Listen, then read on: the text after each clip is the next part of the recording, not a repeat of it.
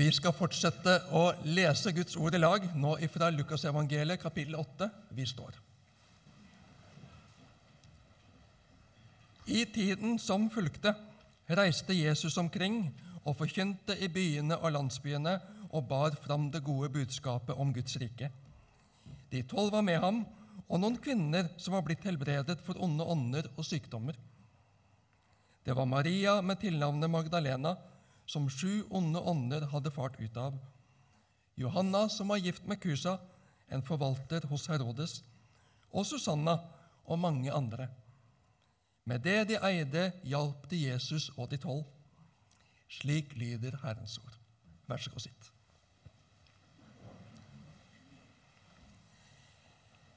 I februar 1966 spilte James Brown inn sangen som han hadde skrevet sammen med Betty Shan Newsom. Skal vi se om jeg får forbindelse med powerpointen her. Ja. It's a man's, man's, man's world. Sangen ble skrevet ut fra hvordan de i samfunnet rundt seg observerte relasjonen mellom kjønnene. You see, man made the cars to take us over the road. Man made the train to carry the heavy load. Man made electric light to take us out of the dark. Man made the boat for the water, like Noah made the ark.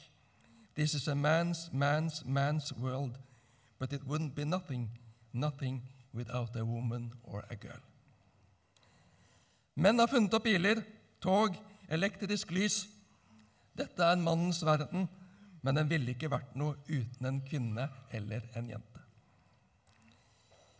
I dagens prekentekst så stanses vi ved noe som Når vi leser Bibelen bare sånn sammenhengende, så kan vi lett forholde oss til det som et mindre viktig mellomspill mellom hendelser med og undervisning av Jesus.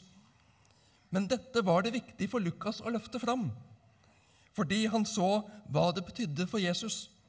I hans tjeneste og fellesskapet rundt ham. Kjønnsforskjeller og kjønnskomplettering. Vi trenger hverandre.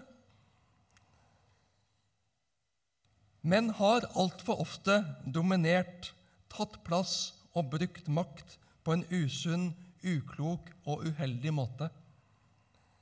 Vi må vokte oss så vi ikke fører videre den ukulturen.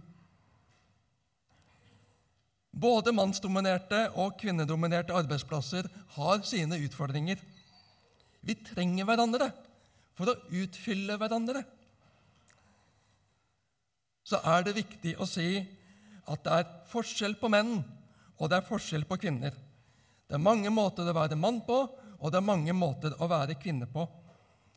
Samtidig er det ofte forskjellige ting som får forskjellig vekt mellom kjønnene og ved at vi virker sammen, utfyller og ivaretar vi en god helhet på en bedre måte. På Jesu tid og på 60-tallet var det en mannsdominans i samfunnet. Og selv om det har vært en god utvikling i samfunnet vårt på dette området, så har vi fortsatt mer å lære, så har vi fortsatt en vei å gå. Jesus har mer å lære oss også her. Men la oss begynne med begynnelsen. Hva er hovedsaken for Jesus? Jesus grodde ikke fast på en plass, men han reiste rundt og forkynte på større steder og mindre steder. Steder med mye folk og steder med mindre folk. Ja, han ikke bare forkynte, men han bar på ulike måter fram det gode budskapet om Guds rike. Det var hovedsaken for Jesus. Guds rike må bli kjent. Det var ikke popularitet som var viktig. Det var ikke posisjon som var viktig. Det var ikke makt som var viktig. Det var ikke konkurranse med de andre det handlet om. Det hele handlet om å gjøre kjent, få fram budskapet om Guds rike. Gud har ikke forlatt dere. Gud har ikke glemt dere. Gud vil fellesskap med dere. Gud har en mening, et ønske, en vilje for deg, for plassen din, for denne verden som Han har skapt. Guds rike har kommet nær. Ved Jesu nærvær så er Gud nær, Guds rike nær. I ham, gjennom ham, får vi komme nær Gud, til det som vi ble skapt til. Jesus gjenoppretter. Jesus gjenoppretter i mennesker, mellom mennesker og ikke minst vårt forhold til Gud og det Han har skapt oss til. Nærhet, fellesskap, harmoni, enhet. Dere spurte av da dere selv ville være egen herre. Dere spurte av da dere sjøl ville være Gud, da dere begynte å søke inn i dere selv, realisere dere selv, oppnå egen vilje, egen posisjon, egen makt. Da ble det på bekostning av de andre. Jeg skapte dere til nærhet, til enhet, til fellesskap i kjærlighet. Jeg inviterer dere nå tilbake dit, til Guds paradis, til Guds rike. Så kan vi speile oss i dette. Er det hva som er hovedsak for Jesus, som er hovedsak for meg? For oss som enkeltpersoner og som menighet, som fellesskap. Er det Guds rike som er hovedsak for meg? Er det å være en del av Guds rike, i Guds nærhet, og bringe kunnskapen om, kjennskapen til Guds rike ut til alle mennesker på mindre steder og større steder? Er det det som er hovedsaken for meg? Eller er hovedsaken i mitt liv jobben min, studiene mine, familien min, huset mitt, hytta mi, båten min? Vi trenger å realitetsorientere oss stadig vekk. Vi trenger å evaluere hva er det vi holder på med? Hva er det hva vi bygger på, hva vi er opptatt av, hva vi prioriterer i livene våre? Hva som får plassen og tida vår? Jo visst skal vi ta oss av menneskene rundt oss. Har en stiftet familie, så er det ens første kall. Om en ikke har stiftet egen familie, så er en like fullt en del av en familie. Og her i Misjonshuset så er vi en storfamilie. Et fellesskap av søsken som har et ansvar og en forpliktelse overfor hverandre. Individualismen og at jeg først og fremst tenker på meg selv og hegner om meg selv, skaper avstand. Den skaper ensomhet, usikkerhet og iblant mistenksomhet. Og i en tid hvor det åndelige og sjelelige fikk en usunn dominans, og folk ble gradert etter om en jobbet med åndelige ting eller verdslige ting, så protesterte Martin Luther. Martin Luther tok da til orde for å kalibrere tenkningen vår. Alt vårt arbeid og virke er vårt kall og vårt virke for Gud. Men når det i vårt sinn, i vår tanke, i vårt hjerte først og fremst blir familien for familiens skyld, vennene for vennenes skyld, jobben for jobbens skyld, tingene, de materielle verdiene som opptar tanke, hjerte og sinn, og at vi ikke ser det hele i et Guds rike perspektiv, da blir det lett avgudet for oss, som tar Guds plass som tar Guds rolle i livene våre. I min neste så ser jeg en som Gud elsker. I min neste så lærer jeg noe om Gud. For Gud har lagt en gudlikhet ned i hvert enkelt menneske. I mitt arbeid så tjener jeg ikke først og fremst sjefen eller bedriften eller institusjonen. I mitt arbeid så jobber jeg ikke først og fremst for lønna, men jeg tjener Gud. Og i alt jeg er og gjør, hører jeg Gud til. Det er i ham vi lever, beveger oss og er til. Vi er ikke på endestasjonen. Dette er ikke målet med livet. Vi er på vei. Vi er på vandring. Vi er i bevegelse mot Guds rike. En førsteklassing kan fortape seg i noe på skoleveien og glemme hvor den er på vei, og komme for seint til skolen hvis ikke noen eller noe henter ham inn igjen. Vi trenger hverandre i det kristne fellesskapet. Vi er satt til å hjelpe hverandre, så vi ikke fortaper oss i det fascinerende og spennende, i det utfordrende og bekymrende langs veien, men at vi har målet for øye. Vi har kanskje en tid vært så opptatt av Jesus i min hverdag, at han hjelper meg, at han er med meg i alt som skjer, samme hvor jeg går. At det blir litt fjernt for oss at det er vi som følger ham, først og fremst, på hans vei, mot hans mål, mot Guds rike, ikke han som følger oss på vår vei mot vårt mål. Når jeg først og fremst er opptatt av alt rundt meg her i min lille boble, da blir små bekymringer fort veldig store og altoppslukende. Da blir hva slags klær jeg har, hva slags bil jeg kjører, hvordan huset mitt ser ut, veldig viktig. Og da blir lønna mi min. Og jeg glemmer at alt jeg har, er gitt meg av Gud for å forvalte til beste for fellesskapet i menighet, ja, men også i den globale landsbyen som jeg er en del av. Vi hører sammen. Guds rike er og skal være hovedsaken for oss som kaller oss kristne. Ikke som en virkelighetsflukt fra hverdagen jeg lever i.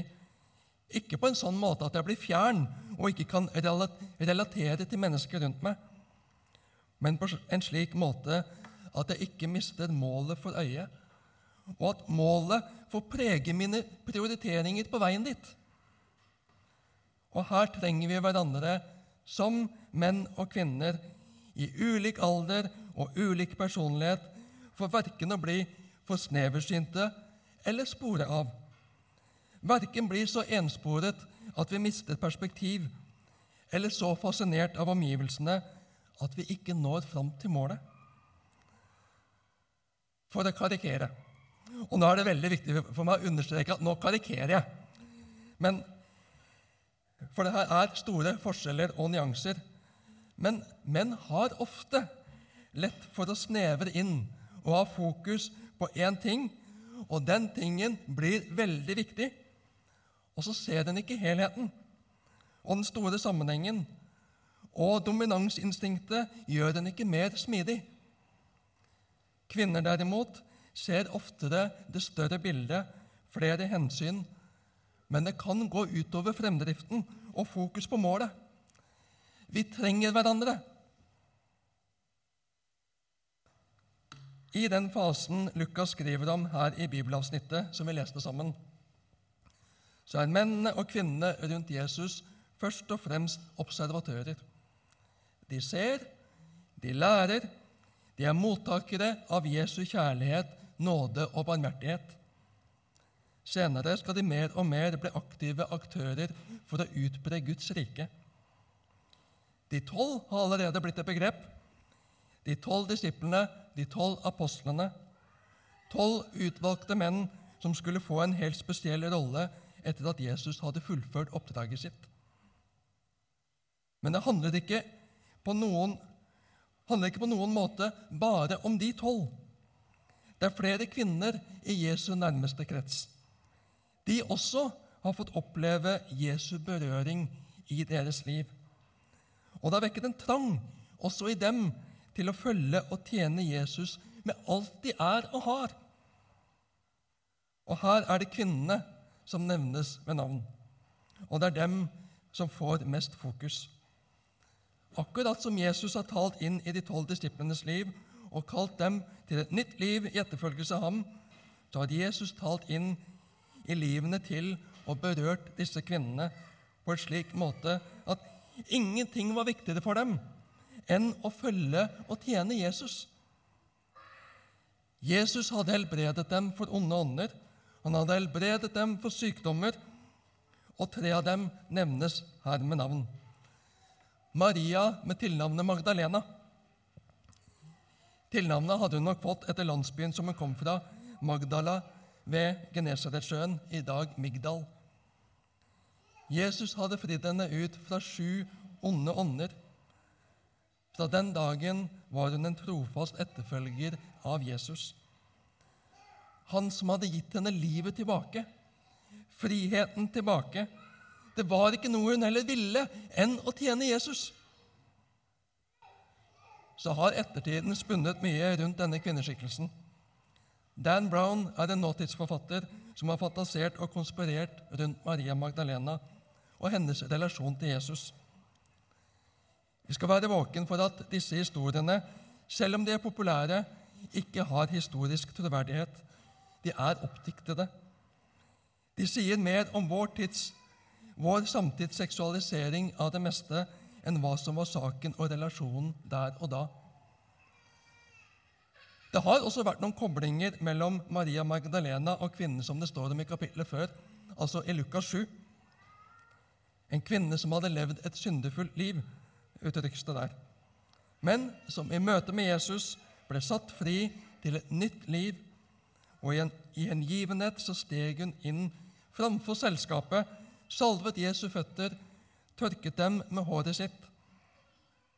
Noen ville ha det til at dette var Maria Magdalena, men det er nok en feilkobling. Dette er to forskjellige kvinner som har fått livet forandret av Jesus, og som på hver sin måte uttrykker sin takknemlighet til ham. Johanna er den andre kvinnen som nevnes ved navn i avsnittet vårt. Hun har en helt annen bakgrunn. Hun er gift med Kusa, som er forvalter hos Herodes. Bibelkommentarene som jeg har sjekka, de er litt uenige om mann og kone delte troen, eller hvordan det var. Men det er liten tvil om at Kusa var mer bundet gjennom sin stilling og kunne ikke følge Jesus på reisene slik som Johanna kunne. Johanna var antageligvis en godt bemidlet kvinne, men det hindret henne ikke i å følge Jesus. Tvert imot, hun tjente Jesus med det hun eide. Susanna er den siste kvinnen som nevnes ved navn. Mer vet vi ikke om henne, men Jesus har berørt også henne, slik at det ble viktig for henne å følge Jesus og tjene Jesus. Med det de eide, hjalp de Jesus og de tolv. De var blitt vekket av Jesus. Hans tale og hans gjerning, hans forkynnelse og hans vesen grep dem, tok tak i dem på en slik måte at de verken ville eller kunne leve som før. De hadde fått en ny tro, en ny lengsel, noe nytt som ble så mye viktigere enn alt annet i livet. De var blitt født på ny. De hadde fått et nytt liv. Et liv hvor det ikke lenger, det ikke lenger selv var Guden, Herren i livet. Jesus, Guds sønn, Kristus, Messias, var blitt deres herre. I 2. Korinterbrev 5,17 så leser vi Den som er i Kristus, er en ny skapning. Det gamle er borte. Se, det nye er blitt til.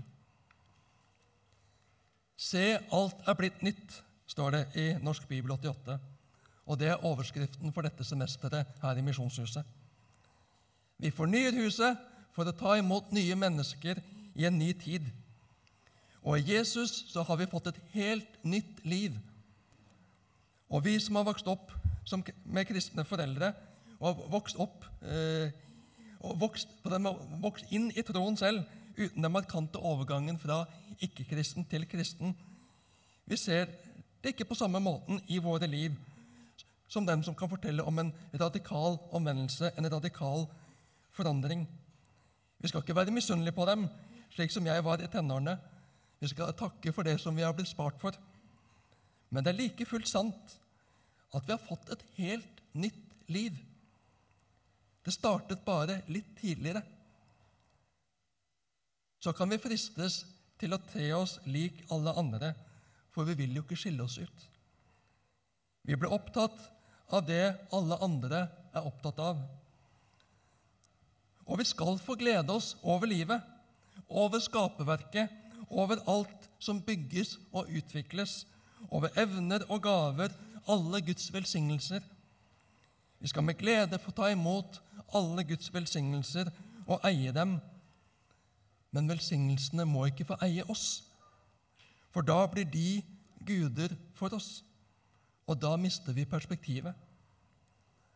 Alt er blitt nytt. Vi er nye skapninger. Det nye er blitt til, og det skal få fokuset for oss. Det skal få drive oss. Dette er ikke endestasjonen. Vi bor i Norge, og mange av oss har bodd i andre land. Men her er vi bare for noen tiår. Og vi skal gjøre godt for landet og folket den tid vi er her, men dette er ikke vårt hjemland. Vårt hjemland er i himmelen, hos Gud, i Guds rike. Galaterne 2,20.: Jeg lever ikke lenger selv, men Kristus lever i meg.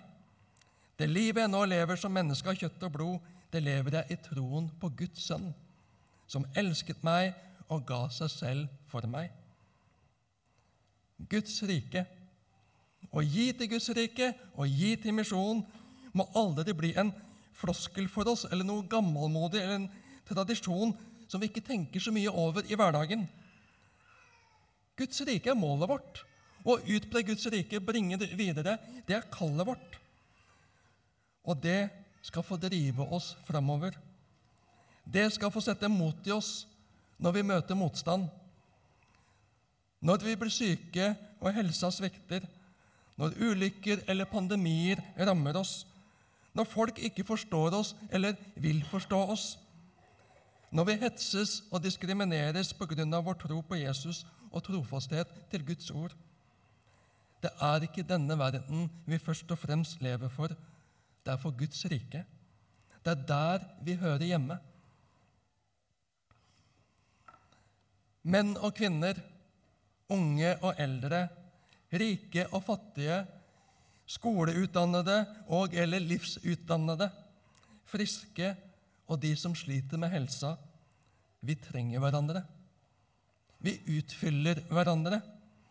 Vi utvider vårt bilde av Gud for hverandre gjennom det bildet Han har lagt ned i oss, gjennom å dele erfaringer og studere Guds ord sammen. Vi skal sette mot i hverandre. Vi skal gråte med hverandre og le med hverandre.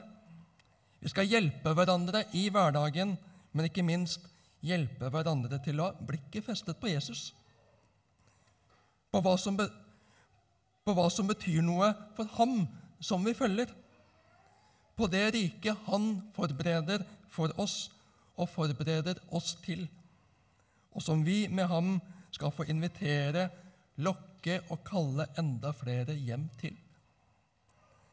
Sammen tjene Jesus og hverandre. Når de ble opptatt av posisjoner innbyrdes, ble det krøll. Når de bekymret seg for mat og motstand, tok det energi og fokus bort fra det Jesus ville vise dem og gi dem. Vi skal få tjene Gud og hverandre med alt vi er og har.